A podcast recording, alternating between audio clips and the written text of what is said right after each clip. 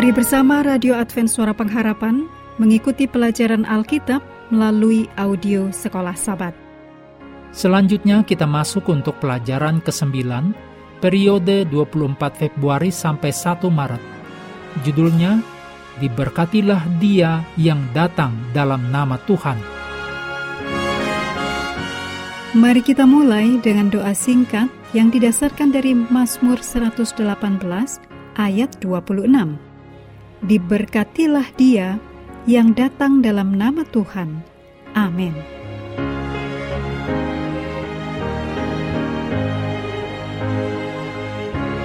Sahabat petang 24 Februari, untuk pelajaran pekan ini, bacalah Mazmur pasal 23, Yohanes pasal 10 ayat 11 sampai 15, Mazmur pasal 22, Mazmur pasal 89 ayat 27 sampai 32, Kolose 1 ayat 16, Mazmur pasal 2 dan Ibrani 7 ayat 20 sampai 28.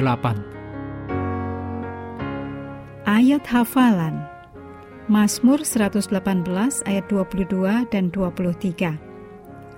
Batu yang dibuang oleh tukang-tukang bangunan telah menjadi batu penjuru hal itu terjadi dari pihak Tuhan, suatu perbuatan ajaib di mata kita.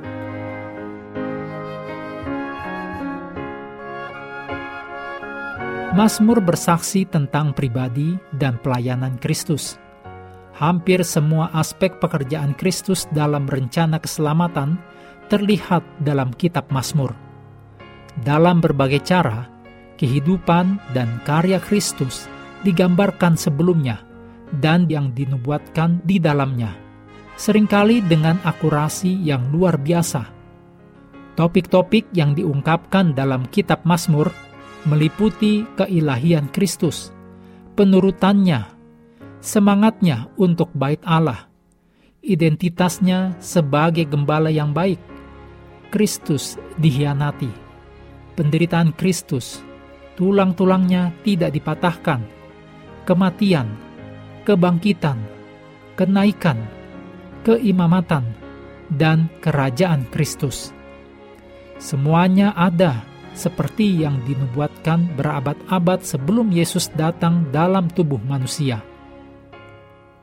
Tidak heran, misalnya, ketika berbicara tentang pelayanannya, Yesus menunjuk kembali ke kitab Mazmur ketika berbicara kepada para murid di jalan menuju Emmaus. Ditulis dalam Lukas 24 ayat 44. Yesus ingin para murid ini menemukan dalam kitab Mazmur bukti tentang siapa diri Kristus. Beberapa Mazmur yang memiliki penggenapan tipologi dalam Kristus, antara lain Mazmur pasal 24, 45, 72, dan 101. Kristus sebagai Raja dan Hakim yang ideal. Dalam Mazmur 88 dan 102, ini mengenai doa hamba Tuhan atau Kristus yang menderita. Dalam seluruh kitab Mazmur, melalui ratapan, ucapan syukur, pujian, dan seruan para pemazmur untuk keadilan serta pembebasan, kita dapat mendengar gaung doa Kristus untuk keselamatan dunia.